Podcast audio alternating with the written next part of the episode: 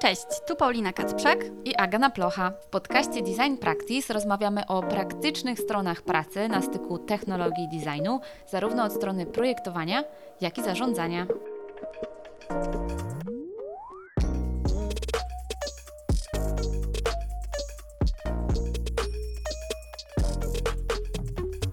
W tym odcinku rozmawiamy o tym, jak wejść do branży lub rozpocząć pracę na stanowisku junior UX designera jak wygląda proces rekrutacyjny, jak przygotować portfolio i jakie są najczęstsze błędy, a także o tym, jak rozwinąć się jako junior designer. Naszą gościnią jest Olka Fiszbak-Biernat, senior product designerka, która od pięciu lat tworzy rozwiązania dla branży healthcare. Zafascynowana jest tematyką agile. Jest mentorką, prelegentką, chociażby na elementarzu UX, a także autorką bloga Czas na Design.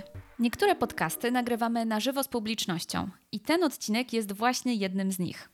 Na końcu pojawiają się pytania od naszych słuchaczy i słuchaczek. Jeśli Ty również chcesz współtworzyć podcast razem z nami, zapisz się na nasz newsletter na designpractice.pl i dołącz do kolejnego wydarzenia na żywo. Cześć, witamy Was serdecznie w ten piękny zimowy wieczór. Serwus. Hej. Prawie zimowy. Jeszcze nie. Jeszcze nie wszędzie zimowy. tak. A na rozgrzewkę Olka mamy takie pytanie. Jaką książkę ostatnio czytałaś? Dobrze, że wczoraj otworzyłam nową książkę, bo mam o czym poopowiadać. Otworzyłam książkę Running Clean, metoda Running Clean. E, to jest tak, taka mm, opowieść, jak bym powiedziała, na temat tego, jak tworzyć produkty w sposób iteracyjny, szybko walidując swoje hipotezy, tak żeby no jakby nie, nie tyle rozwijać produkt przez wiecie x lat i później e, sprawdzić, czy on działa, tylko od razu szybko testować, czy w ogóle jest jakiś market fit i czy, czy ma to sens. Tak bardzo w skrócie, bo dopiero przeczytałam 10 albo 15 stron, ale tak o, o, o tym chyba będzie. I jak oceniasz te 10-15 stron? Wciągające już na tym etapie? Tak, wciągające. Ja lubię to w, w tych autorach um, gdzieś tam z oceanu, że oni bardzo taki storytelling robią, nie? I tam jakby jest dużo przykładów, dużo case'ów, jakichś takich um, cytatów z rozmów z innymi specjalistami, więc to jest fajne. No, także um, kolejne 15 może dzisiaj jeszcze gdzieś wieczorem wiedzie, zobaczymy. Super. Następne pytanie właśnie może zadam od razu z publiczności, bo widzę, że Łukasz ma fajne pytanie, które może nam pozwolić tak trochę spojrzeć z lotu ptaka. Jak wy definiujecie Y, junior UX-a. Olka, powiedz, jak ty definiujesz tą rolę? Mhm. Dobra, więc dla mnie to jest um, osoba, która już ma jakieś doświadczenie, niekoniecznie komercyjne, ale ma jakąś wiedzę teoretyczną i ma um, już jakiś projekt, na przykład taki związany z, ze studiami albo z jakimś kursem e, zrealizowany. Tak? Także ta wiedza, ta wiedza nie jest czysto teoretyczna, e, ale też, e, ale też no gdzieś już, już została wypróbowana w, w boju. E, no ale wiem, że to wszystko zależy tak naprawdę od, od organizacji, bo czasem organizacje wymagają już jakiegoś takiego stażu komercyjnego, około roku, tak, raczej nie, raczej nie więcej, e, a czasem e, ten staż komercyjny nie jest konieczny, także to jest wszystko zależne od, e, od, od firmy, tak, która gdzieś tam wystawia ogłoszenie, czy do której kandydujecie. No, wydaje mi się, że junior powinien mieć tą świadomość procesu projektowego, znać te podstawy, tak, nie mówię, że wszystko musi być wypróbowane w, w boju, ale no gdzieś te podstawy powinny, powinny już w głowie być ułożone, no to pokazuje też konkurencja, tak? Jak my robiliśmy e, na staże rekrutację, to było co prawda w tamtym roku, ale e, no myślę, że wydaje, że dalej to są takie dane, które są e, sensowne, no to tak naprawdę wszyscy już ten proces UX-owy mieli opanowany, no nie, więc tutaj nikogo nie uczyli, nie musielibyśmy uczyć od początku, jeżeli ktoś by się do nas dostał. Dzięki, mhm. dzięki Olka. Fajnie, że mamy już jakby osadzoną jakąś definicję, przynajmniej według Ciebie. Pewnie co, co organizacja, czy tam co specjalista, ta definicja pewnie Oczywiście. lekko będzie skręcać w różne strony. Więc też od razu komunikat do wszystkich, że żebyście się też nie trzymali sztywno jakichś tam kryteriów czy wymagań. To teraz, skoro mamy nakreśloną definicję, to jak wygląda teraz w ogóle sytuacja właśnie UX-owców na rynku IT? Jak to się stało, że nagle y, po prostu jest taki wielki boom na tę dziedzinę? No i co zrobić, żeby jakoś sobie poradzić? Mi się wydaje, że IT stało się takie e, ultra popularne, dlatego że e, no, te zarobki są kuszące, tak? Jeżeli ktoś widzi ogłoszenia w internecie, no to widełki są szalone. Z tym, że trzeba pamiętać, że to są te szalone widełki, to są widełki dla specjalistów już z doświadczeniem kilkuletnim, tak? Więc to nie, jest, nie są stawki juniorskie. No i to, to, to, to, to jest specjalizacja, tak? Bardzo, bardzo szczegółowa. E, więc wydaje mi się, że to jest jakby główny powód, dlaczego e, IT jest takie popularne. No i też dlatego, że IT po prostu cały czas potrzebuje ludzi. E, coraz więcej ludzi jest zatrudniane, bo są coraz większe, coraz więcej zleceń, coraz więcej osób też no, w związku z pandemią mm, zaczęło gdzieś tam cyfryzować swoje produkty czy swoje usługi. No i po prostu no jakby to cały czas jest rynek, który jest mega, mega chłonny i specjaliści są potrzebni. A jeżeli chodzi o sam UX, no to wydaje mi się, że mm, też jakby dlatego jest taki popularny, bo tutaj wydaje się, bo podkreślam to, że wydaje się, że próg wejścia jest, e, jest stosunkowo niski tak, w porównaniu z, z innymi specjalizacjami, e, no bo tutaj jakby mamy, e, mamy gdzieś to projektowanie, które wydaje się dosyć, no jakby dosyć jasne, to nie jest żadne kodowanie, żadne gdzieś tam, wiecie, algorytmy, tylko po prostu rysowanie czegoś, tak bardzo upraszczając. No a to jest tak naprawdę takie, takie podejście dosyć, dosyć płytkie, dlatego że UX łączy bardzo wiele e, dziedzin e, i łączy i projektowanie, i psychologię, e, i też w ogóle no, no też jakby współpracę w zespole, no też to, takie pojęcie technologiczne, więc tu jest jakby tego bardzo dużo tak naprawdę i, i to może być taki trochę, trochę taki bloker w pewnym momencie dla osób, które gdzieś tam się tak napalą na, na, na zostanie UX-em, bo jednak coraz więcej jakby tych kompetencji jest wymaganych. Ale faktycznie łatwiej jest się przebranżowić na UX, jeżeli masz jakiś background projektowy, czy to projektant graficzny, tak, czy to projektant e, na przykład architekt, tak, czy projektant wnętrz. No tutaj jakby mamy e, podobny, inne kompetencje twarde, ale podobny flow pracy i, i podobne kompetencje miękkie, co jest bardzo, bardzo ważne i bardzo cenne, tak, bo jeżeli ktoś potrafi współpracować z klientem, prowadzić projekty, no to w ten sam sposób się współpracuje z klientem i prowadzi projekty w, w projektowaniu UX. No tylko jakby wiadomo, co otoczka jest inna i, i, sam, i sam kontekst, no ale same te takie mechanizmy miękkie są bardzo, bardzo podobne. Chyba no właśnie, z jednej strony ten rynek jest bardzo chłonny i potrzebuje specjalistów i nowych osób, ale jednocześnie często słyszymy, że osoby, które się przebranżawiają właśnie na UX, mają problem ze znalezieniem pracy. E, I jak myślisz, z czego to wynika i czego, e, kogo ci pracodawcy potrzebują na tym, mhm. w tym momencie, jak obserwujesz rynek? No na pewno wynika to po prostu z ilości kandydatów, tak? Jeżeli my w, w, to był rok 20, tak, na koniec 20 roku otworzyliśmy e, w HTD rekrutację na stażystów, więc tu nie wymagaliśmy doświadczenia komercyjnego. Zgłosiło nam się na pięć stanowisk zgłosiło nam się ponad 300 kandydatów, tak? I tak naprawdę no, mogę powiedzieć, że połowa tych zgłoszeń była bardzo sensowna, przynajmniej połowa, albo nawet więcej. To znaczy, to byli ludzie, którzy mieli pojęcie, tak jak mówiłam, o procesie, mieli już jakieś doświadczenie niekomercyjne głównie, ale to było dla nas jak najbardziej ok. No i też um, mieli tych projektów kilka w portfolio. Pewnie jeszcze portfel będziemy rozmawiać, tak?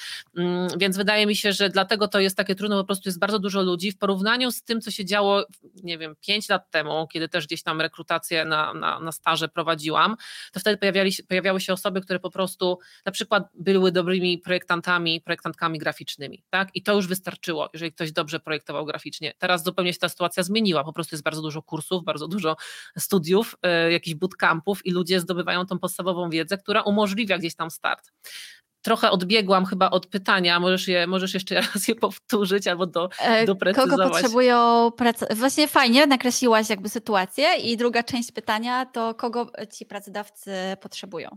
Moim zdaniem, ale mówię teraz trochę tak jakby za siebie, no nie? To jest trochę może subiektywne, może ktoś mm, stwierdziłby coś innego, ale moim zdaniem pracodawca, jeżeli chodzi o juniora, potrzebuje osoby, która może nie tyle jest samodzielna, e, co jeżeli na przykład, podam przykład, tak? Rysujemy sobie aplikację. Nie wymagam od juniora tego, żeby junior jakby sam wymyślał jakieś niesamowite, niesamowite rozwiązania, tylko wymagam tego, że jeżeli ja narysuję podstawy, mówię tak w skrócie narysuję, tak, czyli opracuję tą logikę, gdzieś tam wyciągnę jakieś wnioski z, z, z badań czy z, z, research, z innego typu researchu, jakiegoś desk research na przykład. Jeżeli ja opracuję te podstawy interfejsu, to później oczekuję od juniora, żeby po prostu jakby kontynuował moją pracę, no nie? W sensie jakby czerpał już z tych, z tych wzorców i po prostu tworzył kolejne proste flows na własną rękę. I wydaje mi się, że to jest takie główne oczekiwanie, żeby, żeby no, juniorzy mieli tą podstawową wiedzę i umiejętności, które pozwalają na wejście w projekt i pracę w tym projekcie. Nie mówię o jakichś takich bardzo skomplikowanych, tak jak mówię, sytuacjach i czy trudnych jakby y, projektach, tylko o takich najpodstawowych mm, flows, które, które sobie gdzieś tam rysujemy we współpracy z bardziej doświadczonym projektantem. Możesz, możecie doprecyzowywać i e, ja spróbuję odpowiedzieć dokładniej, może tak wiem, że trochę high levelowo to nakreślam. Za chwilę jeszcze właśnie cię też Jasne. pytamy A... o rekrutację, ale może jeszcze ja bym dodała też pytanie z publiczności. Wiem, że mówiłyśmy, że będziemy na końcu zadawać, ale fajne pytania zadajecie, akurat dobre do aktualnego flow rozmowy. E, Kinga zapytała, jakie są według Was różnice między juniorem a stażystą? Fajnie, żebyśmy sobie to też określili, zanim przejdziemy do rekrutacji. O, no to też chętnie usłyszę, jakie wasze dziewczyny jest zdanie, bo ja znowu mówię tak jakby z perspektywy mojej firmy, tak? I, I e, u nas Junior to już jest osoba, która ma jakieś doświadczenie. Tak naprawdę stażyści u nas w e, organizacji, kiedy no, dostaną się na staż, tutaj, tak jak mówiłam, nie oczekujemy doświadczenia komercyjnego, ale po tych trzech miesiącach pracy, no, ludzie pracują w projektach takich jakby prawdziwych, tak? w sensie z klientami żywych. To nie są jakieś tam takie projekty do szuflady. No to po tych trzech miesiącach pracy już mają jakieś doświadczenie i później, no jeżeli oczywiście współpraca przebiega dobrze po, po obu stronach, e, jesteśmy zadowoleni, obydwie strony, i stażysta, i my, no to wtedy proponujemy stanowisko juniorskie. Więc tutaj już mamy wtedy stanowisko juniorskie po tych trzech miesiącach pracy komercyjnej, ale też zaznaczam, że w tym wypadku my tak naprawdę testujemy ludzi i widzimy dokładnie, jak ktoś pracuje, jak ktoś się zachowuje, jak ktoś się też szybko uczy, no nie? Więc um, dawno nie prowadziłam rekrutacji na, na e, juniora takiej nie ze stażu, um, ale to było kilka lat temu, ale kiedy taką rekrutację prowadziliśmy, to faktycznie wymagaliśmy no przynajmniej roku doświadczenia komercyjnego, tak? No też jakby to odpowiadało stawce, którą proponowaliśmy, ale nam była potrzebna osoba, która już ma jakieś doświadczenie komercyjne. Później zdecydowaliśmy się na staże i staże jakby to były bez doświadczenia komercyjnego, byliśmy gotowi na to, żeby przez te trzy miesiące ludzi uczyć, nie? Więc jakby to jest chyba ta różnica, dla mnie przynajmniej, że od stażysty nie wymaga doświadczenia komercyjnego, e, a od juniora już wymagam jakiegokolwiek, e, ale to jest moja definicja, pewnie wasze mogą się różnić. Ja myślę, że też trochę się właśnie zmienia ta, ta, odpowiedzialność i takie oczekiwanie mm, względem takiej sprawczości, nie? Tej osoby, że na stażu jednak więcej się wybacza, znaczy wybacza w cudzysłowie mhm. oczywiście, a przy juniorach już się ma jakieś takie, takie oczekiwania, nie? Że ta osoba wyciągnie jakieś wnioski, że, że już zobaczy jakieś zależności i wyjdzie też z jakąś inicjatywą. Myślę, że, że to też jest ważne, że, że na stażu jakby sama definicja stażu, nie? Że, że to jest trochę mm, taka nauka w bezpiecznym środowisku, a junior już jednak ma pewnego rodzaju takie milestone, które gdzieś tam odhacza na tej swojej drodze, mhm. które też go mhm. zbliżają potem do, do kolejnej roli, nie? jakim jest e, mid e, UX designer czy tam regular designer. Ja Dobra, zgodzę, to tak. Olka w takim razie mhm. powiedz nam, bo już ten temat super się pojawił. E, jak w takim razie wyglądało, wyglądały te rekrutacje, przy których ty brałaś udział i wiesz, tak jakbyś powiedziała krok po kroku, co się działo i też jakbyś mogła powiedzieć mm, na przykład, które aplikacje były dla ciebie rozczarowujące albo które jakby odrzucałaś, co one miały takiego w sobie, że czego warto unikać e, na, na danych mhm. etapach. Jasne. A mówimy o jakby o stażu, czy o juniorze, czy trochę gdzieś to łączyć? Bo to były Możesz zacząć od stażu, ale chętnie też y, usłyszymy, jak to wyglądało na juniorskie stanowiska. Dobra, więc jeżeli chodzi o tą rekrutację juniorską, to ona była, y, przepraszam, stażową, bo od tej, od tej zaczniemy, od tą stażową. Teraz muszę sobie trochę przypomnieć, jak to wyglądało, to było jakiś czas temu i od tej, tamtego czasu nie, ponawia, nie ponawialiśmy tej rekrutacji. No ale ona wyglądała w ten sposób, że y, najpierw mieliśmy taki mały formularz, gdzie, gdzie ludzie wypełniali jakby też, dlaczego chcą na ten staż się dostać, jakie już mają doświadczenie, co już zrobili, żeby mm, w ogóle jakby podjąć, y, pod, podjąć tą próbę wejścia w, w branżę, jaką mają wiedzę, no nie? No i też jakby prosiliśmy o załączenie portfolio, bo jednak portfolio było wymagane. Tak jak mówiłam, nie było wymagane e, doświadczenie komercyjne, to mogły być projekty zupełnie niekomercyjne. Mm, z tych zgłoszeń 300, e, przyznam się Wam, że jeżeli, ma, jeżeli rekruter ma 300 zgłoszeń albo 400, już nie pamiętam, to było dokładnie, bardzo dużo, to my w pewnym momencie przestaliśmy czytać jakby to, co jest, to, co było w tym formularzu i skupiliśmy się na portfolio, e, bo to portfolio pozwalało nam szybko ocenić, e, czy ktoś ma dryk e, i czy warto jakby inwestować w tą osobę czas, bo to widać, no nie? Jak już jakiś czas się pracuje, to nawet po tym jednym, dwóch projektach widać. Więc tutaj tak naprawdę portfolio odegrało największą rolę. Jeżeli nam się podobało portfolio, to wracaliśmy do, do tego zgłoszenia pełnego i wtedy się mocniej w nie wczytywaliśmy tak jak mówię tutaj, ogromnych ilościach kandydatów, tak, czyli 150 osób na przykład, e, więc e, które przeszły do tego kolejnego etapu. I z tego co pamiętam, jeżeli chodzi o, o to stanowisko stażowe, to dawaliśmy osobom zadanie testowe. E, naszym zadaniem było pokaza- zaprezentowanie, że rozumiesz flow, proces UX-owy, tworzenie pro, projektów w postaci przeprowadzenia takiego procesu dla fejkowej aplikacji, na przykład związanej z, i tam daliśmy kilka opcji, tak, ze sportem, z pogodą, no było kilka różnych jakby takich case'ów, use case'ów. No i tam faktycznie, no powiem wam, że poziom mnie mega zaskoczył, bo ludzie mm, prowadzili takie, wiecie, wiadomo, takie jakby bardzo, bardzo ograniczone i niczego więcej nie oczekiwaliśmy, ale badania, robili wywiady, desk research, ludzie dokumentowali to, także naprawdę konkurencja jest ogromna i ludzie naprawdę do tego podeszli bardzo, bardzo jakby tak kompleksowo, tak, i prezentowali faktycznie tą umiejętność i tą wiedzę na temat procesu UX-owego, której oczekiwaliśmy, tak? Nawet wydaje mi się, że na, na, na wyższym poziomie byśmy tego oczekiwali.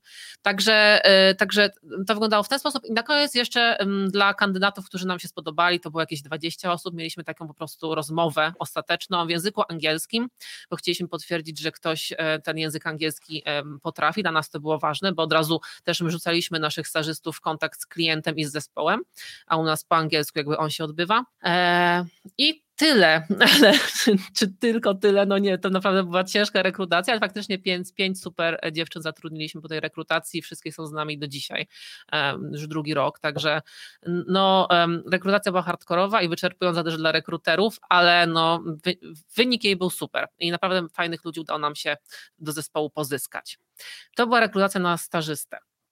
Nie wiem, czy macie dziewczyny jakieś pytania. A Ola, y, Olka, jeszcze tylko jedno pytanko. Tak, y, tak, właśnie widziałam, by się pojawiło na czacie a propos tego, że staże są marne, marnie płatne. Czy Olka mogłabyś zdradzić, nie wiem, czy mieliście widełki pokazane, jak u Was to wyglądało na stażu?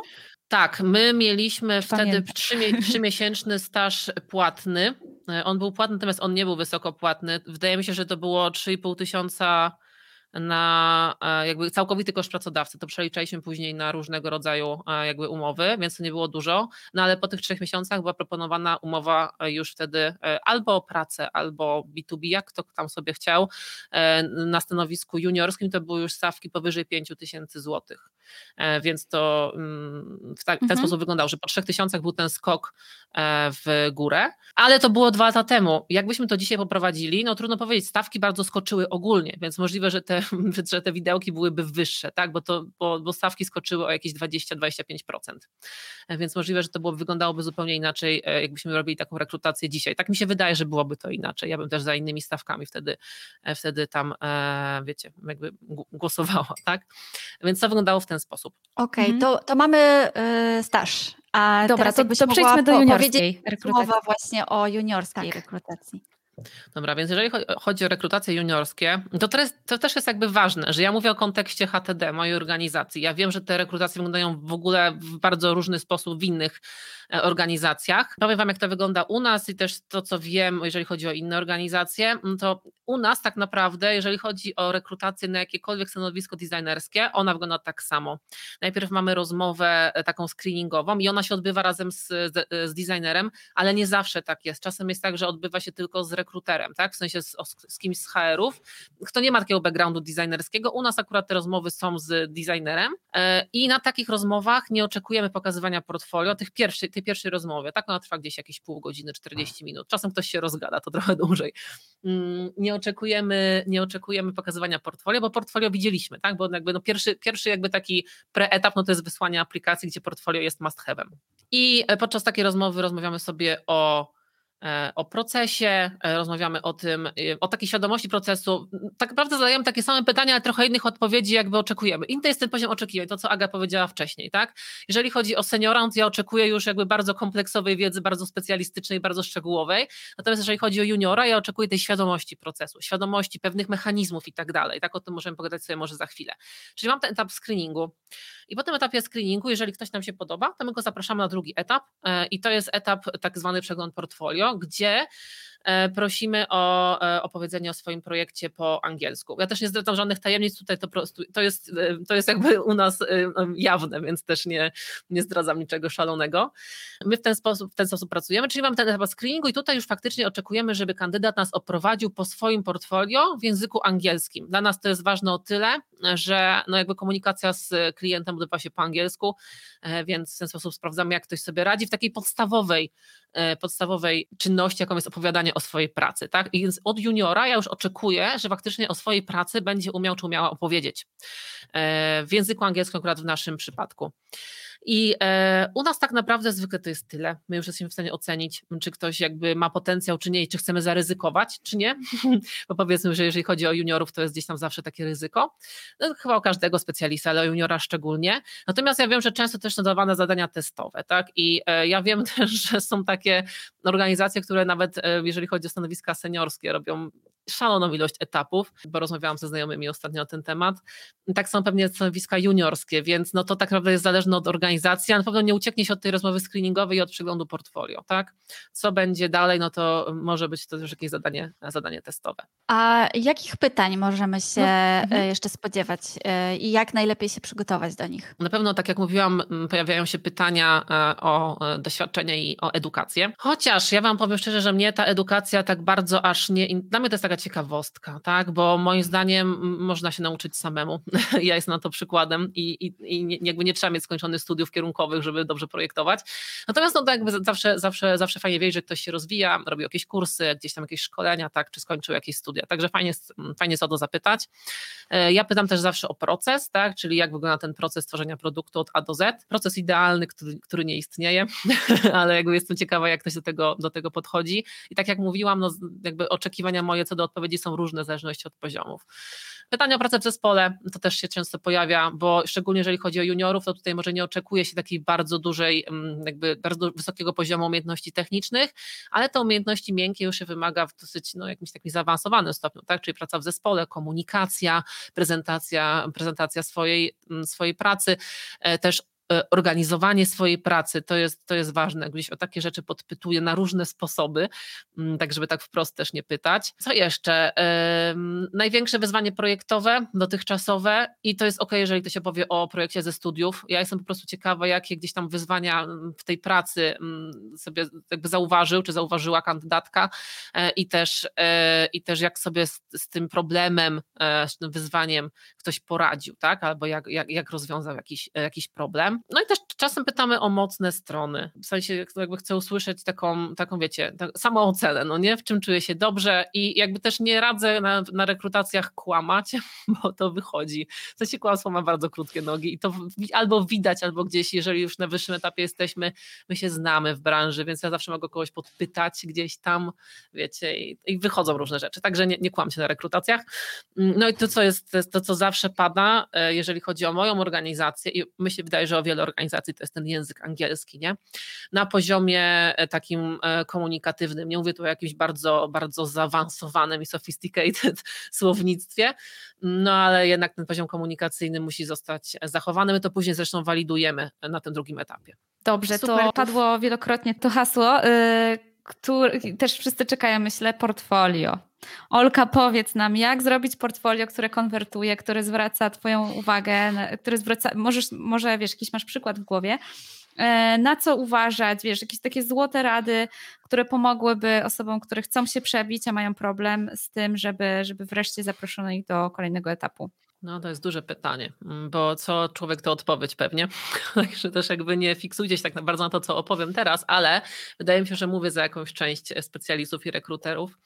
E, moim zdaniem takie portfolio juniora nie musi zawierać, zawierać jakiejś szalonej ilości projektów, to po pierwsze, e, ale pokazałabym przynajmniej dwa, tak żeby pokazać, że te umiejętności, które ja posiadam są powtarzalne, tak? Czyli, że to nie był przypadek, że ja w jakiś sposób tam zrealizowałam um, gdzieś tam podejście do procesu, tylko faktycznie to, co potrafię, potrafię, te, umiejętności, które mam, potrafię wykorzystać w różnych kontekstach, no nie?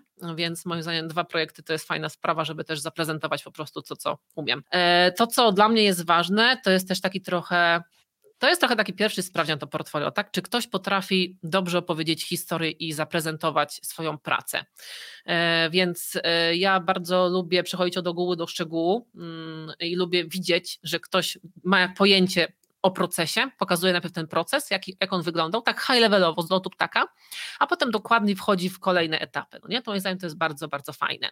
Też fajnie, jeżeli w tym portfolio, jeżeli na przykład mówimy o procesie UX-owym, no to mamy jakieś wywiady, tak, mamy jakiś user flow, teraz bardzo to y, spłycam i bardzo to upraszczam, ale jakby gdzieś tam takie główne, główne stepy, które zwykle gdzieś się pojawiają w, w, w procesie UX-owym. Fajnie, jeżeli dajecie do tych, do tych opisów tych, tych, tych, tych etapów no jakieś przykłady rezultatów, tak, czyli nie tylko to, że hej, zrobiliśmy user story, przepraszam, user flows, ale jak one wyglądały, może jakiś link do Figmy, może jakiś screen z, z Miro, tak, jakby żeby pokazać, jak też, jakie są też te te deliverable, że tak powiem, każdego z, każdego z etapów pracy. Mm, czy może kiedyś też widziałam, to było też fajne, scenariusz badania, no nie? Scenariusz IDI. Ktoś przeprowadził IDI, e, też pokazał tablicę Miro z, e, gdzieś tam z wnioskami. Po kliknięciu w link mogłam sobie dokładnie obejrzeć tą tablicę, tak to tylko gdzieś miałam tak high levelowo pokazane, że ha, tutaj w ten sposób opracowałam rezultaty z, z badań.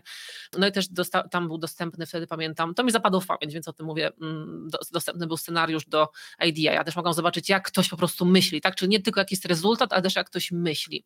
Więc to jest fajne, żeby też takie dawać, dawać też jakby te sneak peeki pracy, nie tylko tego ostatecznego rezultatu, tylko tego też, jak się do tego rezultatu dochodziło. Czyli to, że wychodzimy od problemu, tak? I później szukamy rozwiązania na ten konkretny, na ten konkretny problem, jakie są te drogi do szukania rozwiązania. I to, co moim zdaniem jest bardzo ważne, to co się często pojawia w mm, jako taki błąd, tak, bo Aga pytała się o błędy, które się pojawiają w portfolio. No moim zdaniem jakby częstym błędem też pokazała mi to ta rekrutacja stażowa, bo będę się do niej odwoływać, bo to jest najbardziej taka jakby mm, najnowsza, w której brałam udział w tych młodszych poziomach designerów. No to jest to, że ludzie jakby proces, y, który się dzieje przed budowaniem interfejsu sobie, a interfejs sobie, no nie? Czyli w ogóle no, patrzę i mówię, jej, ale super, tu były robione badania, takie wnioski, sensowne wnioski, nie? I tak dalej. Mm, no i później patrzę, a jakby nic z tych wniosków nie jest, nie jest zaaplikowane w sam interfejs.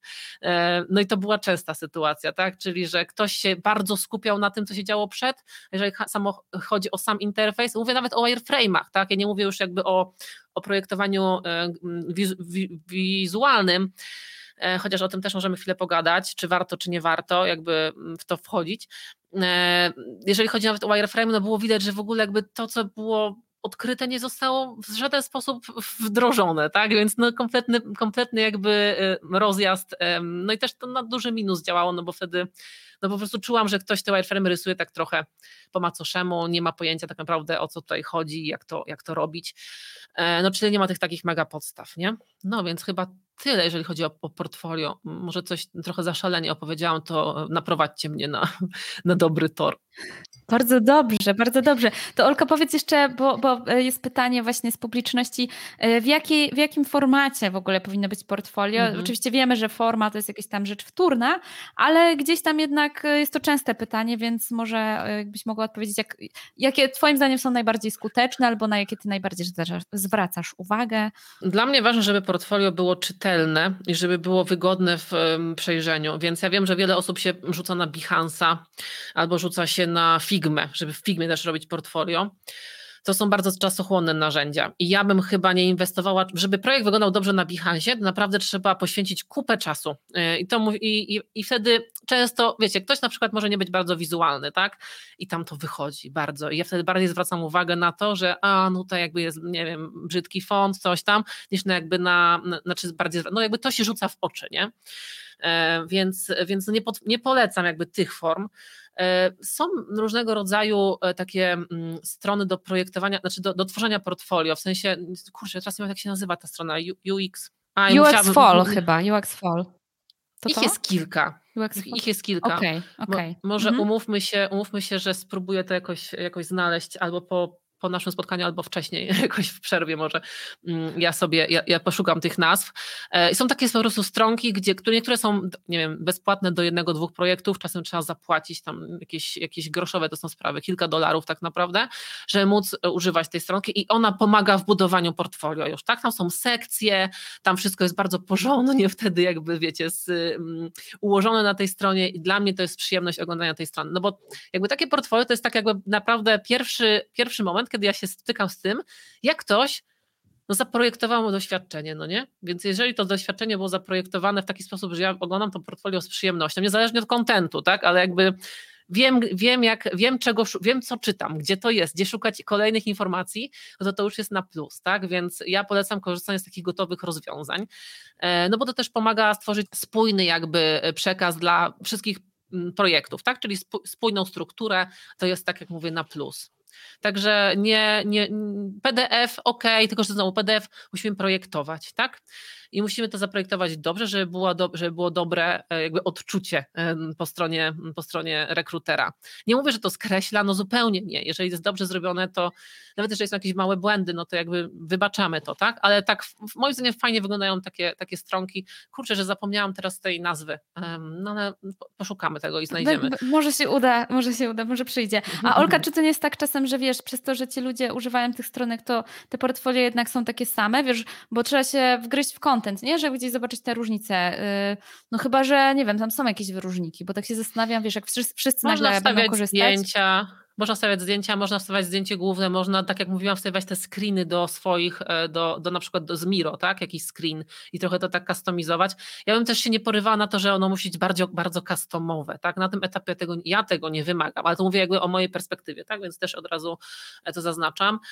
No chyba, że ktoś się czuje dobrze jako, jako projektant e, też wi, jakby wizualny, no to okej, okay, nie? Jakby możecie działać z jakimiś innymi szalonymi formami. Mm, to, czego ja nie polecam, bo to zwykle się kończyło marnie, to jest portfolio w postaci, e, w postaci prototypu na Figmie. Bo znowu, bardzo dużo pracy i jeżeli jest się ja bym się jako senior na to nie porwała, bo widzę, ile można, ile można spartaczyć. to jest bardzo czasochłonne. A jeżeli jest się juniorem, jeszcze nie do końca się tak naprawdę ogarnia też takie dobre praktyki figmowe i tak dalej, no to można też sobie jakby bardziej zaszkodzić niż, niż e, tutaj zrobić dobrego. Jasne. No właśnie, firmy chcą często zatrudniać osoby z doświadczeniem już i tutaj też na czacie pojawiło się kilka takich głosów, że mało jest tych staży, mało jest stanowisk juniorskich, e, więc gdzie takie doświadczenie zdobyć, tak żeby może wskoczyć już trochę na wyższe stanowisko, e, na regulara, czy powiedzmy takiego bardziej doświadczonego juniora, e, jeżeli tych stanowisk nie ma tak dużo, jak możemy sobie z tym poradzić? No i nie wiem, powiem szczerze, czy na stanowisko regulara można wskoczyć nie pracując gdzieś e, w jakiejś organizacji, e, bo tutaj jakby, mm, to znaczy no niby niby można próbować, nie wiem, masz swój własny produkt i go rozwijasz, tak? I gdzieś na tym się uczysz, ale to jest taka bardzo ciężka droga do tego, żeby, żeby zdobyć doświadczenie. Więc ja bym raczej się nie porywała na to, że samodzielnie będziemy w stanie doczłapać się do umiejętności takich, które dadzą nam stanowisko regulara. Moim zdaniem to nie jest do, do, do, do zrobienia. E, natomiast jeżeli chodzi o takie mm, gdzieś zdobycie troszeczkę doświadczenia, żeby na przykład na to stanowisko juniorskie, gdzie mamy ten rok komercyjnego doświadczenia wymagany, tak? Jak tutaj to zrobić? No można tak naprawdę e, pokusić się o jakąś pracę z NGO-sami, i zaproponować im swoje usługi, e, ale no jakby tutaj nie jestem specjalistką, więc mm, ja tutaj niczego bardzo konkretnego nie, dora, nie, nie doradzę. Wiem, że ludzie w ten sposób też e, działają i próbują jakieś doświadczenie zdobyć. Mm, e, a jeżeli chodzi w ogóle o projekty, ja też jakbym mm, nie wiem, nie, wiem, nie, nie, chcę mówić za wszystkich, ale jeżeli ja widzę kogoś, kto pracował w jakiś, kto, kto opracowuje problemy, E, niekomercyjne e, w fajny sposób, no to jeżeli naprawdę to jest fajna, fajna realizacja, no to ja bym dała tej osobie szansę, czyli możemy robić takie aplikacje do szuflady, tak, na temat, który jest nam bliski, e, który jest, będzie dla nas łatwy w opracowaniu, tak, gdzieś w ten sposób zdobyć jakieś, jakieś doświadczenie. Też możemy robić testy tych aplikacji i też fajnie jest pokazywać w portfolio, o tym nie mówiłam, ale to jest fajne, jeżeli ja widzę w portfolio progres, nie, czyli na przykład tak wyglądał interfejs przed badaniami z użytkownikami, takimi wiecie, jakby jeżeli chodzi o takie, takie niekomercyjne mm, projekty, takimi bardzo, bardzo korytarzowymi, że tak powiem, ale to jest ok na tym etapie a tak wyglądał e, po wprowadzeniu zmian, no nie? Więc to też możemy pokazywać, w jaki sposób ewoluował nasz interfejs. No i też możemy się łapać za jakieś takie zlecenia, no tylko to zwykle są, to zwykle jest tak, że niestety bardzo dużo czasu, bardzo mało pieniędzy, e, no ale doświadczenie, tak? Czyli jakieś takie, no czasem się ogłaszają gdzieś deweloperzy, że szukają na przykład designera do pomocy, tak? Żeby narysował ładny inter interfejs. Bardzo to jest spłycanie naszej roli, no ale, e, ale no gdzieś to też jest opcja, żeby jakiegoś tam doświadczenia takiego bardziej już żywego złapać. Natomiast no, moim zdaniem trudno jest wejść na ten wyższy poziom bez pracy w, jednak w organizacji u, bardziej, u, u boku bardziej doświadczonych osób, czerpiąc z tego doświadczenia i też gdzieś popełniając błędy przy e, gdzieś tej, przy tych osobach, tak, które nam pomogą z tych błędów się wykaraskać, e, pokażą inne drogi, więc e, no moim zdaniem to, tak to wygląda. Ja myślę, mhm. że też fajną opcją, to jeszcze dodam od siebie, że jest branie udziału w hackatonach, bo można też poznać y, takie różne perspektywy, zwłaszcza, że hackatony są teraz się bardziej otwierają na takie myślenie o, o produkcie, takie właśnie pracę zespołową, a nie tylko jak dotychczas było jakieś tam, nie wiem, 7 lat temu, gdzie programiści zazwyczaj przychodzili na te hackatony. Teraz jest tak, że właśnie designerzy też są mile widziani i myślę, że to jest fajna opcja po prostu, żeby poznać też ludzi, bo no trochę tak jest, że im więcej mamy znajomości w branży, tym jest y, gdzieś tam e, można, e, że tak powiem, wcześniej czy się dowiedzieć o jakiejś rekrutacji, czy tam ktoś akurat potrzebuje kogoś do pomocy na szybko, nawet niekoniecznie na jakieś tam mhm. oficjalne mhm. stanowisko stażowe.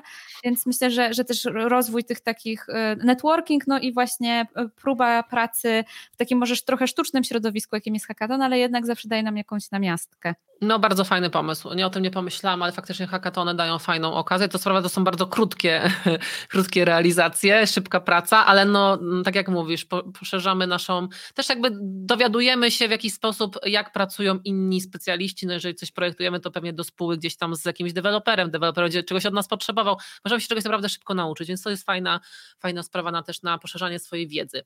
E, w taki sposób szybki i bardzo efektywny. A jakich narzędzi powinien używać taki e, junior UX designer? Czy jest jakiś taki set, który byś polecała, żeby się z nim zaznajomić i e, który Twoją uwagę by zwrócił, że ta osoba już zna te narzędzia, więc jakby jest gdzieś tam już do przodu w tej rekrutacji? No i teraz jakby pytanie, czy mówimy o narzędziach takich typu Figma, czy o narzędziach typu Persony? Pewnie mówimy o obydwóch typach. Jeżeli chodzi o, o takie jakby techniki i tule, kurde, teraz nie chcę też tak, teraz e, tak bardzo jakby nobilitować niektórych z nich, ale są takie podstawowe, tak? E, mamy różnego rodzaju, różnego rodzaju kanwy, czy to związane z personami, czy z jakimś tam biznes modelem. Ja też jakby wyznaję taką zasadę, znaczy taką teorię, nie wiem jak to powiedzieć, taką filozofię, o tak to się mówi, nie? wyznaję filozofię, że fajnie, żeby designer jakby skupiał się, nie, skupiał się tylko i wyłącznie na projektowaniu, tylko gdzieś tam lizał sobie różnych innych, innych dziedzin, nie? E, więc może na etapie juniorskim też jakby bez przesady, żeby gdzieś tam szaleć i dowiadywać się wszystkiego na temat prowadzenia biznesu i tego, jak, jak ten biznes w ogóle konstruować, no ale też gdzieś fajnie w tę stronę, w tę stronę iść e, i, i, i coś tam już zacząć, jak, jakieś umiejętności, jakąś wiedzę rozwijać, tak? Więc jakieś takie mm, kanwy, które pozwalają na też sprecyzowanie tych takich biznesowych wymagań. Trochę chyba wchodzę bardziej takie ogólnie w takie, taki narzędziownik designera niż tylko samego, samego juniora, więc może ograniczę troszkę moje myślenie. Mm, I, I myślę, że no myślę, że ma na pewno personę, tak, jakieś tworzenie user flows, jak, jak w ogóle wygląda user flow i jak, jak, to, jak to robić. Są różne szkoły, można sobie poczytać o tym i, i, i sprawdzić. E, user journey mapy, tak, to, to, to często wykorzystujemy. Value proposition canvy, tak, to jest takie narzędzie, którego też się często, e, z którego też się często korzysta i daje bardzo fajne efekty. No i później już też na tym takim etapie bardziej definiowania tych wymagań, wymagań, no definiowania też jakby kształtu rozwiązań, no to mamy też różnego rodzaju takie techniki warsztatowe, ale też może nie będę teraz w nie wchodzić jakoś bardzo, bardzo głęboko, ale na pewno też tworzymy user storiesy, tak więc warto zapoznać, zapoznać się z tym, jak wygląda user story. To jest jakby w kontekście już takiego developmentu, więc może nie jest typowo designerskie narzędzie, ale my go bardzo często używamy później, nawet jako juniorzy, tak? Tym, tym się operuje, tak? Tym słownicem się operuje. Czyli tworzenie user storiesów, czym jest user stories może bardziej, to jest takie narzędzie. No i oczywiście wireframe, tak? No, mm, to jako, jako też narzędzie do tworzenia interfejsu, no i później już mówimy o UI-u, tak? Więc to mm, to nie jest jakiś taki toolkit, który myślę, że tak dosyć ogólnikowo opowiedziałam, jeżeli chodzi o takie narzędzia pracy designera tule i, i, techniki. No jeżeli chodzi o takie, takie tule bardziej jego programowanie, no to mówimy zwykle o Figmie albo o innym narzędziu podobnym, e, Adobe XD e, na przykład, chociaż teraz wiem, że Figma jest mega, mega popularna, więc warto gdzieś tam liznąć, jak, chociaż jak ona wygląda, ale to nie jest bloker, jeżeli ktoś jej nie potrafi, tak? Dlatego, że no, jakby te narzędzia są bardzo podobne. E, Miro czy Mural albo inne te tablice online, to też jest warto z, z, tym, się, z tym się zapoznać. No i do komunikacji używamy zwykle Slacka albo Teamsów, no ale to jakby są po prostu komunikatory, e, Zoom, no, no to, to jest tak jakby wdzwanianie się, tak? Więc to każdy raczej ogarnie tego typu, tego typu narzędzia. No nikt nie, nie, nie wymaga od juniora biegłości w Jirze, zresztą w ogóle ja chyba, ja chyba nie jestem biegła w Jirze i wiele osób nie jest biegłych w Jirze, no ale gdzieś tam znam na tyle, żeby korzystać z tego narzędzia, więc tutaj nie przejmujmy się tym, tym, tym, tym, tym setem e, w tym momencie. Nie wiem, czy coś jeszcze. Znowu tak trochę, trochę high levelowo opowiedziałam, no ale mam nadzieję, że, że komuś to coś da. Możecie doprecyzować albo coś ze swojej, swojego toolkitu dodać.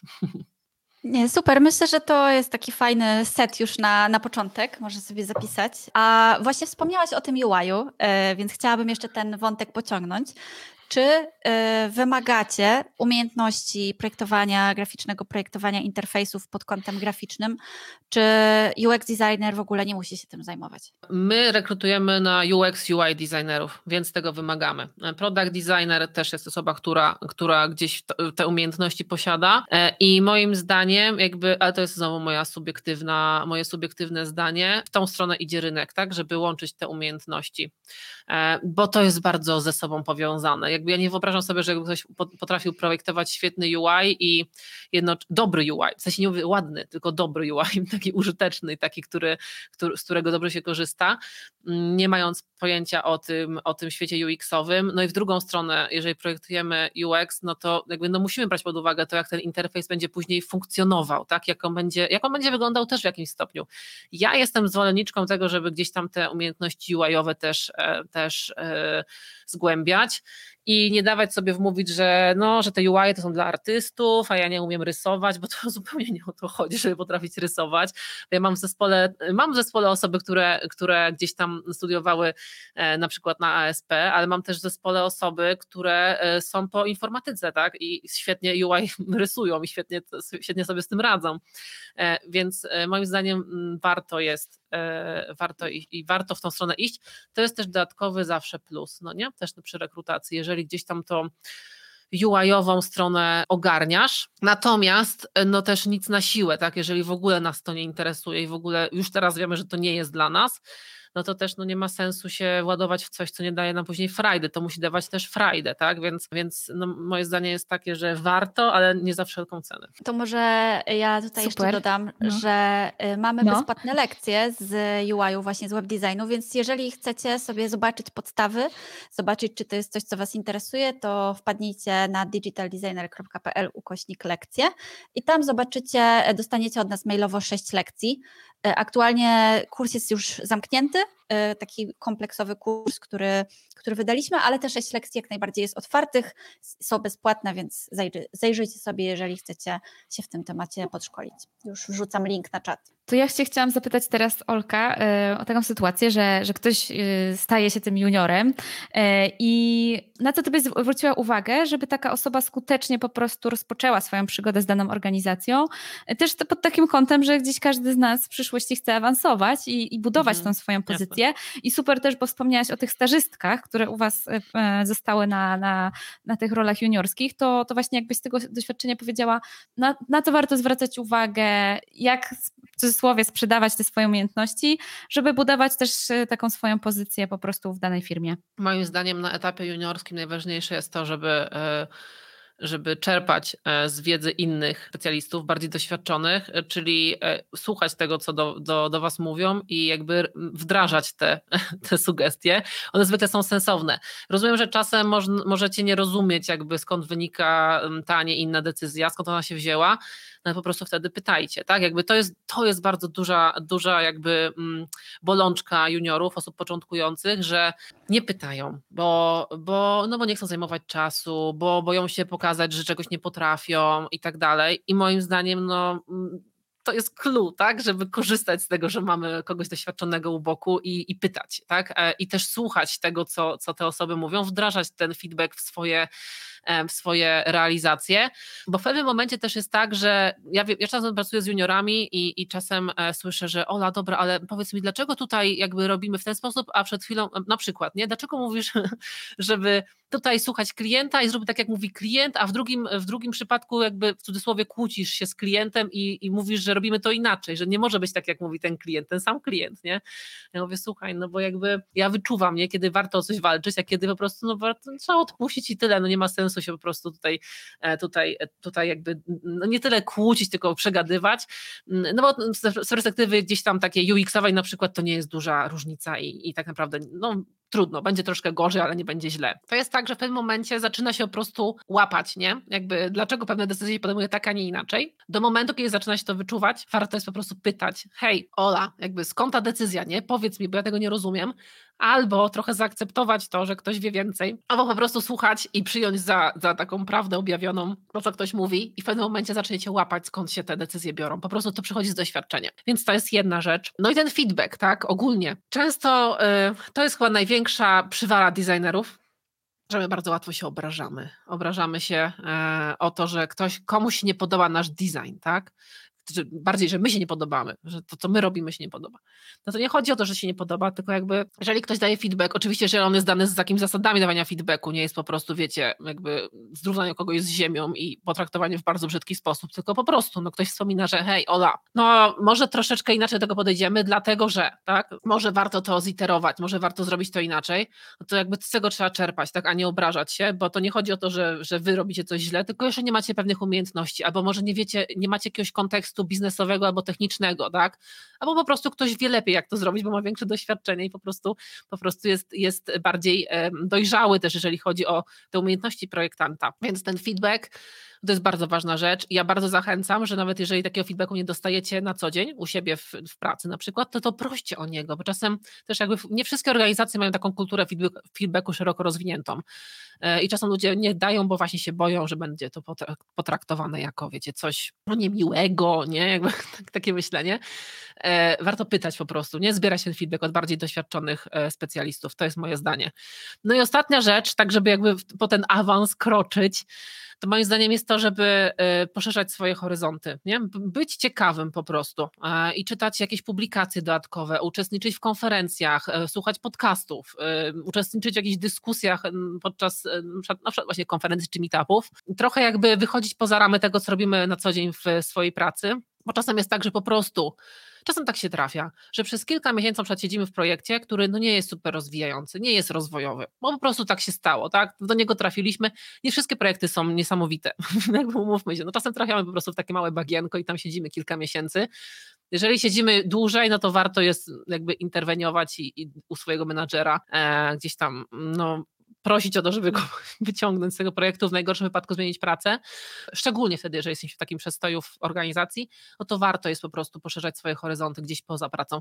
Ja bardzo nie wiem, może jestem boomerem, może, może to o to chodzi, ale ja bardzo nie lubię czegoś takiego, kiedy ludzie mówią, że no tutaj pracuję 8 godzin, jeszcze mam poza pracą coś robić, jeszcze mam poza pracą, wiecie, no jakby dodatkowe rzeczy robić i, i, i wiadomo, uczy, uczyć, uczyć się, nie, czytać. Ja sobie myślę, kurde, jeżeli tobie to nie daje frajdy, że ty sobie przeczytasz tą książkę poza pracą, że ty sobie obejrzysz ten kurs, czy porozmawiasz z kimś na jakiś temat związany z branżą, no to zastanów się, czy ta branża jest dla ciebie, nie? Czy to, co robisz, jest dla ciebie. No bo nie chcę mówić też tak, że jakby praca być całym twoim życiem, jakby work-life balance istnieje. Ja też po 8 godzinach zamykam laptopa i czasem idę oglądać Netflixa, tak, przez resztę dnia. Czy nie wiem, czy idę ze znajomymi gdzieś i nie myślę w ogóle o pracy, tylko 17 cyki i mnie nie ma. E, ale no, y, no warto gdzieś tam mm, te, te horyzonty poszerzać, tak, poza też pracowo.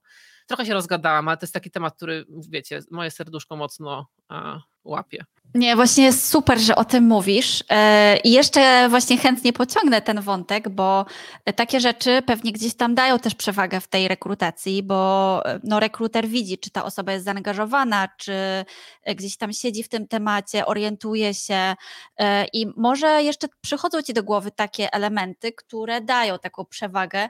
No już trochę powiedziałaś o tym, ale może jest jeszcze coś, może właśnie jakieś umiejętności miękkie na przykład. Oj, na pewno. Umiejętności miękkie w ogóle są bardzo niedoceniane, a są bardzo, bardzo, bardzo, bardzo cenione, bo moim zdaniem łatwiej jest kogoś nauczyć tych umiejętności twardych, technicznych, szybciej kogoś nauczy tych umiejętności. No, oczywiście, że ta osoba ma potencjał, tak, i gdzieś taką, tą, tą, ten fundament, żeby na nim budować, no ale łatwiej jest kogoś nauczyć, nauczyć yy, projektowania UX niż yy, na przykład dobrego, do, dobrej prezentacji swojej pracy, nie? W sensie, no, to jakie jest moje zdanie. Czasem niektórzy po prostu są bardzo trudni w komunikacji, albo komunikacji ogólnie, tak? I to jest bardzo niewy, niewymierna, sytuacja. Bardzo trudno jest, jakby wiecie, pewne, pewne naprawcze kroki podjąć. Także, także moim zdaniem bardzo warto jest skupić się na tych umiejętnościach miękkich, e, na komunikacji przede wszystkim, e, ale też na dawaniu feedbacku, na też pracy w zespole, bo to są takie, to się, wydaje się, to są takie buzzwordy, nie? Praca w zespole, co może pójść źle? No przecież pracowałem tyle razy, na wiele może pójść źle, naprawdę, jakby to po prostu, wiadomo, że tego trudno się nauczyć z książek i tego się nie nauczymy z książek, tylko w praktyce, no właśnie warto zbierać feedback i doskonalić te swoje gdzieś umiejętności, umiejętności e, miękkie w, w taki sposób. No nie pytać się, co mogę poprawić, co mogę zrobić inaczej, e, albo co robię dobrze, tak, i co, co bardziej budować. No wydaje mi się, że to są takie rzeczy, które są niedoceniane, a bardzo, bardzo ważne. Super, e, dzięki Olka. To mm, to teraz pytanie, już tam wyobrażaliśmy sobie, że ktoś staje się tym juniorem. No i jak sobie poradzić w tej sytuacji, kiedy, nie wiem, idziemy tam piąty dzień naszej pracy nowej, no i musimy zacząć pracę w projekcie. Oczywiście rzadko się zdarza tak, że od razu trafiamy do takiego świeżego projektu od zera, zazwyczaj jesteśmy gdzieś tam mm, dokoptowywani, no ale właśnie jak sobie poradzić w takim obliczu, że zaczynamy na przykład jakiś proces projektowy albo ktoś od nas wymaga realizacji jakiegoś zadania i właśnie co zrobić, żeby pokazać, że to zadanie nas nie przerasta, jak sobie to wszystko zaplanować, żeby po prostu też nie zwariować ze stresu. Pewnie, no to na pewno jest stresująca sytuacja, nowa praca, nowy projekt e, albo nowy zespół. E, albo wszystko naraz. to, jest, to jest na pewno bardzo stresujące. Moim zdaniem, jeżeli jesteśmy juniorami, e, ogólnie jakby to, to jest w ogóle do wszystkich, nie tylko do juniorów uwaga, ale jakby to, że czegoś nie wiemy jest normalne, tak? I e, szczególnie jeżeli jesteś juniorem i czegoś nie wiesz, to to jest normalne i nikt nie oczekuje od ciebie bycia alfą i omegą na tym etapie, tak? Więc jeżeli czegoś nie wiesz, nie rozumiesz, jeżeli coś jest niejasne, czy jeżeli chodzi o proces, czy jeżeli chodzi o, o, o klienta, tak? Czy o branżę, czy, czy, czy e, o podejście po prostu do, do na przykład e, projektowania, tak? Mm, no to po prostu pytaj o to. E, jakby poproś, żeby ktoś ci wytłumaczył, jak to jest robione w tym projekcie, w tej organizacji, jak, jakie są dobre praktyki. A jeżeli jakby nie masz takiej możliwości, bo czasem jest tak, że no, są juniorzy wrzucani też w projekty tak samodzielnie, trochę tak z, z, z takiego musu, tak? Bo na przykład nie ma kogoś bardziej doświadczonego, firma dopiero się buduje, albo są różne sytuacje no to można zawsze e, albo spytać kogoś spoza projektu, w sensie spoza jakby tego, tego, tego wiecie, na przykład huba, tak? No gdzieś tam pracujemy w zespole deweloperskim i mamy inne zespoły deweloperskie dookoła, może ktoś pomoże, kto nie jest stricte w projekcie, Mm, albo po prostu możemy na głęboką wodę pójść i podjąć decyzję i zaryzykować i zobaczyć, co się stanie, a nuż ta decyzja będzie dobra, a jeżeli nie, no to po prostu też weźmy pod uwagę to, że wszyscy popełniamy błędy i że te błędy są normalne, tak, i że jeżeli błędów nie popełnimy, to się niczego nie nauczymy. E, jak się nie przewrócisz, to się nie nauczysz. No i to jest, e, to jest moim zdaniem na każdym etapie ważne, żeby no nie, nie łamać się, jeżeli coś się nie uda, e, no bo po prostu no, to wyniknęło z, z, różnych sytuacji. Następnym razem tego nie zrobisz, tak? To jest zawsze jakaś, jakaś nauka. Warto, żeby wyciągać wnioski po prostu z tego, co się, co się stało. Więc no nie bać się tych, też popełniania tych błędów, tak? Czyli pytać i popełniać błędy i to jest normalne i, ta, po prostu to, tak wygląda rozwój, tak? Mm, człowieka od samego początku. Ja teraz mam małego bobasa, więc ja widzę ile błędów my popełniamy, jak, e, nie wiem, uczymy się podnosić marchewkę do buzi, tak? No jakby, no słuchajcie, jak, jakby Leon się poddał, no to jakbyś się poddaje, to byśmy teraz nie, nie mogli jeść tych różnych pyszności w restauracjach. Byśmy gdzieś tam utknęli. Więc jakby no naprawdę polecam, polecam, żeby tak się trochę trochę zmniejszyć, zmniejszyć oczekiwania wobec samego siebie, tak mi się wydaje. A jestem jeszcze ciekawa, bo przeszłaś tyle, tyle tych rekrutacji, tyle widziałaś różnych zgłoszeń, że pewnie widzisz jakieś prawidłowości. No i ponieważ UX jest taką branżą, w której zaczynają nie tylko studenci gdzieś tam świeżo po studiach, ale też jest bardzo wiele osób, które się przebranżawia i już ma jakieś doświadczenie, często nawet spore. E, I jestem ciekawa, czy widzisz właśnie jakieś prawidłowości, że na przykład dobrymi UX-ami są osoby z branży X. Nie wiem, czy chodzi o branżę, chociaż na przykład dużo jest bardzo architektów, którzy się przebranżawiają. I tutaj jakby chyba chodzi o to, że bardzo podobny jest flow pracy, tak? Bo pracujesz nad projektem, masz jakiś proces projektowy, iteracyjny, rozmawiasz z klientem. Jakby oczywiście background, tak jak mówiłam wcześniej, jest zupełnie inny i kontekst jest zupełnie inny i tule są zupełnie inne i to, co tworzysz jest zupełnie inne. No ale jednak gdzieś tutaj ten, ten flow pracy jest podobny. I to są te właśnie umiejętności miękkie, które trudno jest zdobyć w inny sposób niż praktyką. E, I to daje dużą przewagę takim osobom, które, które no jakby już miały okazję na przykład z klientem pracować albo prowadzić samodzielnie jakiś projekt, mimo że w ogóle jakby to jest zupełnie inna branża i zupełnie zupełnie inny, inny kontekst. Więc to jest na pewno coś, co, co jest co jest fajne, ale jakby to nie chodzi o to, że tylko architekci mają taką, takie umiejętności, czy tylko projektanci graficzni, no bo w wielu branżach gdzieś tam mamy kontakt z klientem, jesteśmy odpowiedzialni za prowadzenie jakichś projektów, za dokumentację jakichś procesów na przykład, tak? I to są umiejętności, które są bardzo, bardzo ważne. No sama organizacja własnej pracy też jest bardzo ważna. Tak się wydaje, że to jest takie, wiecie, no, no, organizacja pracy, no przecież no, pracuje i, i, super, tak, ale szczególnie teraz, jeżeli pracujemy zdalnie, a bardzo często pracujemy zdalnie i nie mamy kogoś obok, żeby go zapytać szybko, nie, co mam zrobić, jak to zrobić, no to tym bardziej organizacja pracy jest, jest ważna, no nie? Chyba znowu trochę zboczyłam e, z kursu. Pauliana, prowadź mnie, gdzie, gdzie, gdzie mam, z jakich gdzie branż, e, z jakich obszarów branż osoby są dobrymi UX-ami, ale no powiedziałaś trochę. Nie, nie, nie myślałabym o tym w takim kontekście, że jakby jeżeli nie jesteś architektem czy projektantem graficznym, nie masz szans na wejście w UX zupełnie, nie? E, bo też e, ludzie się, no ludzie się przebranżawiają z bardzo różnych dziwnych zawodów e, i, i, i z sukcesem, więc nie, nie, nie fokusowałabym się na tym, no ale faktycznie jakby gdzieś tutaj zauważam takie pod, podobieństwa, nie? Więc e, może być troszeczkę może łatwiej, ale czy, czy to jest jedyny przepis na sukces, żeby zostać architektą, a później UX-em? No raczej nie. Dzięki Olka. E, będziemy już powoli kończyć, ale słuchajcie, to, to nie koniec jeszcze dzisiejszego spotkania, e, bo Olka odpowie na, na wybrane pytania. Teraz ostatnie pytanie od nas. Mm, Olka, na jakich umiejętnościach, na rozwoju jakich umiejętności ty chciałabyś się skupić w najbliższym czasie? O, super pytanie.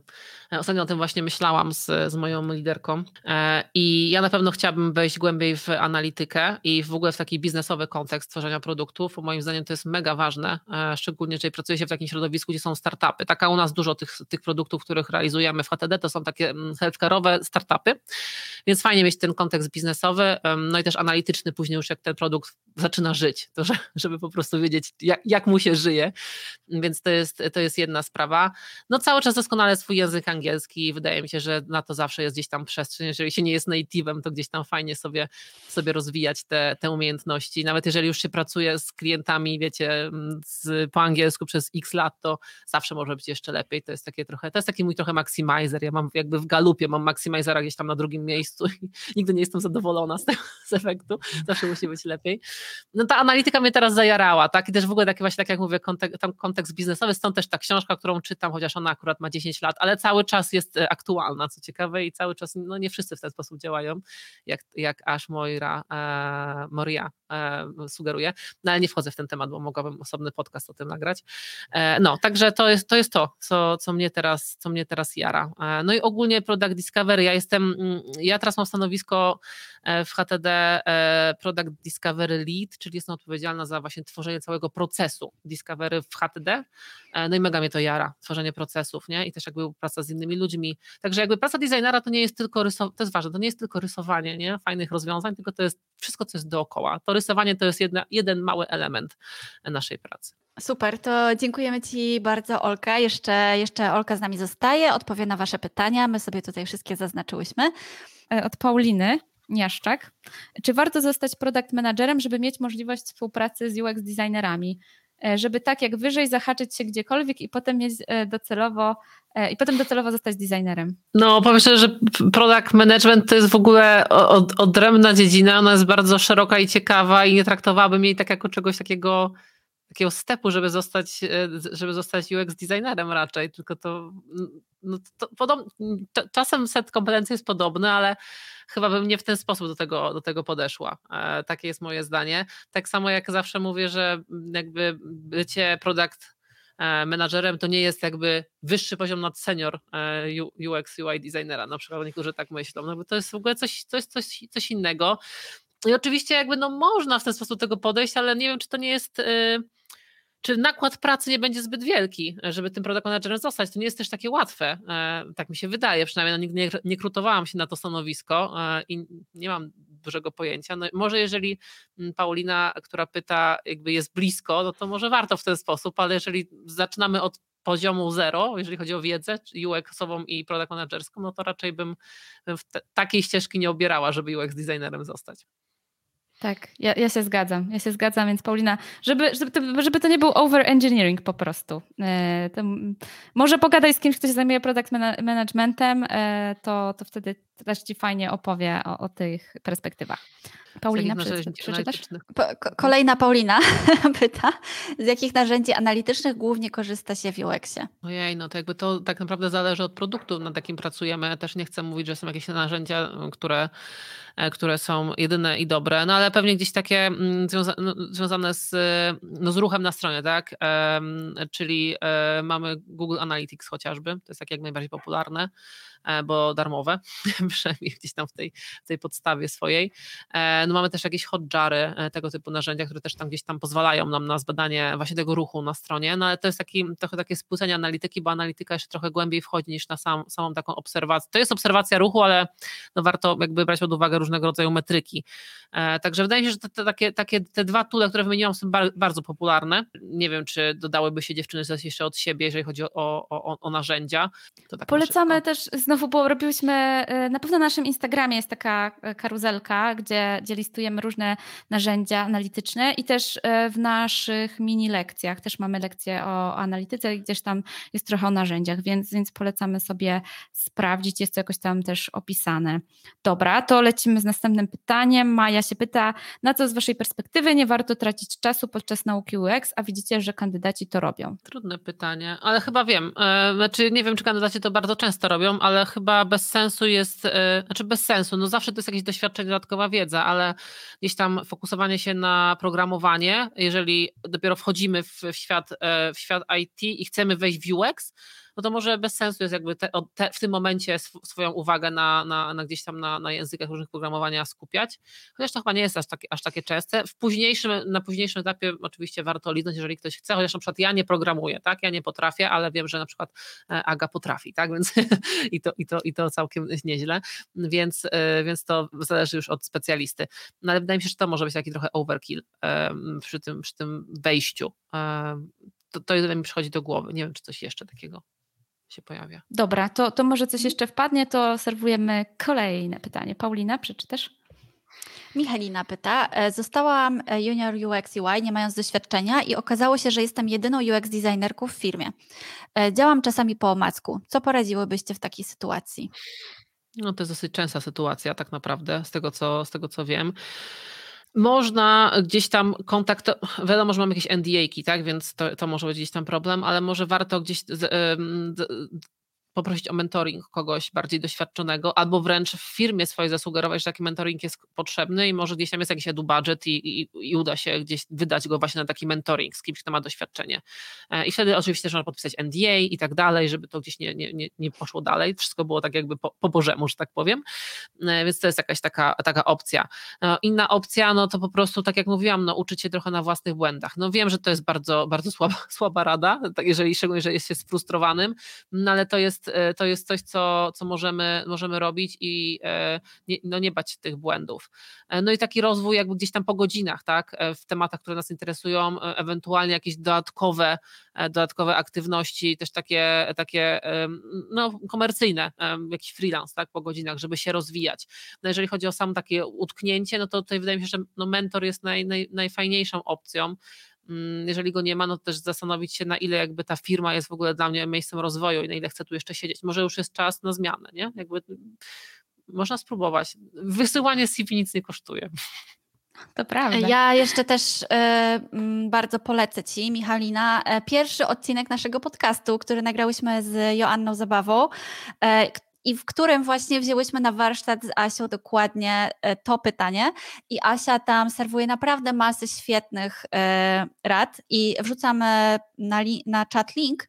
Wystarczy wejść na designpractice.pl ukośnik 001, tam jest pierwszy odcinek naszego podcastu. Dobrze, to pytanko może od Joanny. Trochę odpowiedziałaś Olka już na nie, ale może właśnie y, co zwracało Waszą uwagę, ale co dyskwalifikowało kandydata? Czy, czy kojarzą Ci jakieś takie przypadki wyraźne? No to, co zwraca, zwracało uwagę, to na pewno to, jeżeli ktoś faktycznie też e, projektował fajny UI, e, który miał sens e, jakby w sprzężeniu z UX-em i też to, że faktycznie UX, znaczy interfejs odpowiada na te znaleziska z tej fazy, powiedzmy, discovery. To jest to. Co zwracało też uwagę, no tak jak mówiłam, te sneak peeki, tak, z, z, z procesu, z narzędzi, których korzystaliśmy podczas procesu, to jest na pewno bardzo fajne, fajna rzecz i to, jeżeli ktoś pokazuje, jak projekt ewoluował, sorry, trudne słowo do wymówienia, o tej porze. Także to też jest fajne, żeby, żeby zaprezentować. Co dyskwalifikowało kandydata? No. Um, chyba nie było takiej sytuacji, ale zdyskwalifikowałoby jakieś, jakiegoś rodzaju plagiat, tak? E, albo przypisanie sobie nie swojej pracy, no to jest jakby jasne. To jest też ważne, żeby w projektach, jeżeli w, projektach grupowych, na przykład na studiach, opisywać, jak, jaka była Twoja odpowiedzialność, tak? Bo mnie to interesuje, bo ja czasem widzę ten sam projekt w pięciu różnych portfolio, co jest ok, no bo to jest projekt ze studiów, no ale jaka była Twoja odpowiedzialność w tym projekcie? To nie, to nie jest jakby ta, ta, ta, ten plagiat, o którym mówię. No i też to, co mówiłam, dyskwalifikacja totalna, jeżeli ktoś w ogóle jakby nie przekłada e, znalezisk z badań czy z, z tego procesu UX-owego na interfejs, no bo widzę, widzę, że ten ktoś po prostu no jakby nie, nie wie o co w tym chodzi, nie? a dużo ludzi wie o co w tym chodzi, więc no to niestety dyskwalifikuje. E, warsztat 153 pyta, e, powiedzcie proszę coś więcej o tes testach użytkownika. Co zrobić, żeby przeprowadzić testy, gdy dopiero zaczynasz się bawić w UX? Moim zdaniem, jeżeli ktoś się zaczyna bawić UX, to też się zaczyna bawić w testy, tak? Więc tutaj dozwolone jest to, żeby je przeprowadzać nie w taki sposób bardzo, mm, bardzo jakby oficjalnie e, unormowany, e, czyli e, no, tak jakiego nas uczą powiedzmy na studiach czy na kursach, tak? Tylko możemy zrobić te testy z rodziną i po prostu dać komuś ten, ten tablet, czy dać komuś ten link ze znajomych, żeby przeklikał nasz interfejs. To jest takie bardzo spłycenie jakby całej, całego testowania, no bo testowanie powinno się odbywać no, do określonej grupy docelowej i tak dalej, tak jakby takie tworząc warunki, jakie są podczas później korzystania z produktu, powiedzmy. No ale tutaj, jeżeli się bawimy w UX, zaczynamy się bawić, to możemy się zacząć bawić w testy w ten sposób. Chociaż, chociażby tak jakby no, technologicznie, jakby to jesteśmy w stanie sobie ogarnąć już na prawdziwe testy, no nie? Jak używać narzędzi, jak zbierać informacje, jak później będziemy sobie przetwarzać od tej strony takiej, takiej technicznej, takiej narzędziowej. To może nas wiele nauczyć. Jasne. E, widzę też fajne pytanko od e, Kamili. E, jaki jest wymagany poziom angielskiego? W naszej firmie to jest przynajmniej B1, a najlepiej, żeby to było B2. Nie mówię o jakimś poziomie C1, C2, no ale te B1 na taką komunikację dosyć płynną zezwala. B2 to już jest komfortowa komunikacja, więc no na pewno poniżej B1 no to nie ma, nie ma takiej szansy, żeby akurat w naszej organizacji no dostać stanowisko. Dobrze, to jeszcze dwa pytanka proponuję. E, Olka, przedłużymy chwileczkę, e, bo dużo jest pytań i po prostu szkoda też nie odpowiedzieć. Ja mam czas, także... Świetnie, świetnie. To lecimy z pytankiem, czy zdarzyło Wam się, od Late Again Tube, e, czy zdarzyło Wam się podziękować komuś po stażu i nie zaproponować stanowiska juniorskiego? Jeśli możesz zdradzić oczywiście. Nie było takiej sytuacji. E, po stażach akurat udało nam się, udało nam się e, wszystkich zatrudnić. E, no po prostu to były dobre, dobre macze, że tak powiem.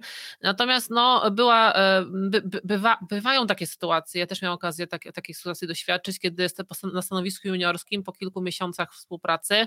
No niestety podziękowaliśmy sobie za współpracę, dlatego że osoba jakby nie w ogóle nie, to nie jest też w ogóle jakby w dobrej organizacji nigdy nie jest tak, że ktoś ci daje wypowiedzenie bez powodu i nie próbuje też naprawić naprawić jakby pewnych problemów, które widzi. Więc mimo całej takiej sesji e, feedbackowej, kilku sesji, no i też jakby takiego planu naprawczego, który my zawsze staramy się wdrożyć, zanim, zanim gdzieś podejmujemy kolejne kroki. No niestety to się nie udało, no nie? E, nie będę wchodzić w szczegóły, bo nie mogę, ale no takie sytuacje bywają, tak? Raczej to są te stanowiska, e, znaczy nie raczej to są stanowiska juniorskie, często to, znaczy po prostu czasem się tak zdarza, że to nie, nie, nie, był, nie było dobre połączenie dla firmy, mhm. ale w dobrych organizacjach zrobi się stan naprawczy, dopiero później ewentualnie podejmuje jakieś kroki. E, jeżeli chodzi o stażystów, tego takiej sytuacji nie mieliśmy. Dobra, to może ostatnie pytanie pytanko i teraz nie wiem, które wybrać, to może od, podejrzewam, czarka. Paulinka, przeczytaj proszę. Czy warto łapać się czegokolwiek, żeby zdobyć doświadczenie w UX? Czy zostając e, junior researcherem zwiększa swoje szanse na zostanie designerem, czy lepiej od razu szukać pracy na konkretne stanowisko? To jest znowu to samo podejście, które mieliśmy z product managementem, e, bo e, rola researchera to nie jest rola gorsza ani lepsza od roli designera, to jest rola inna. E, I faktycznie designerzy często gdzieś tam te researcherowskie, researcherskie badawcze kompetencje, umiejętności mają, ale no nie jest to wymagane też nie, nie wszędzie. Więc moim zdaniem no, można w ten sposób oczywiście, to jest to samo dokładnie, o czym mówiliśmy przy product managementie, można w ten sposób pójść, no ale czy to nie jest właśnie overengineering znowu, żeby gdzieś tam starać się o, o, takie stanowisko. Wcale też nie łatwo dostać rolę junior researchera. Umówmy się, to też jest jakby oblegany, oblegana e, ścieżka, więc to nie jest tak, że to z miejsca ją dostajemy.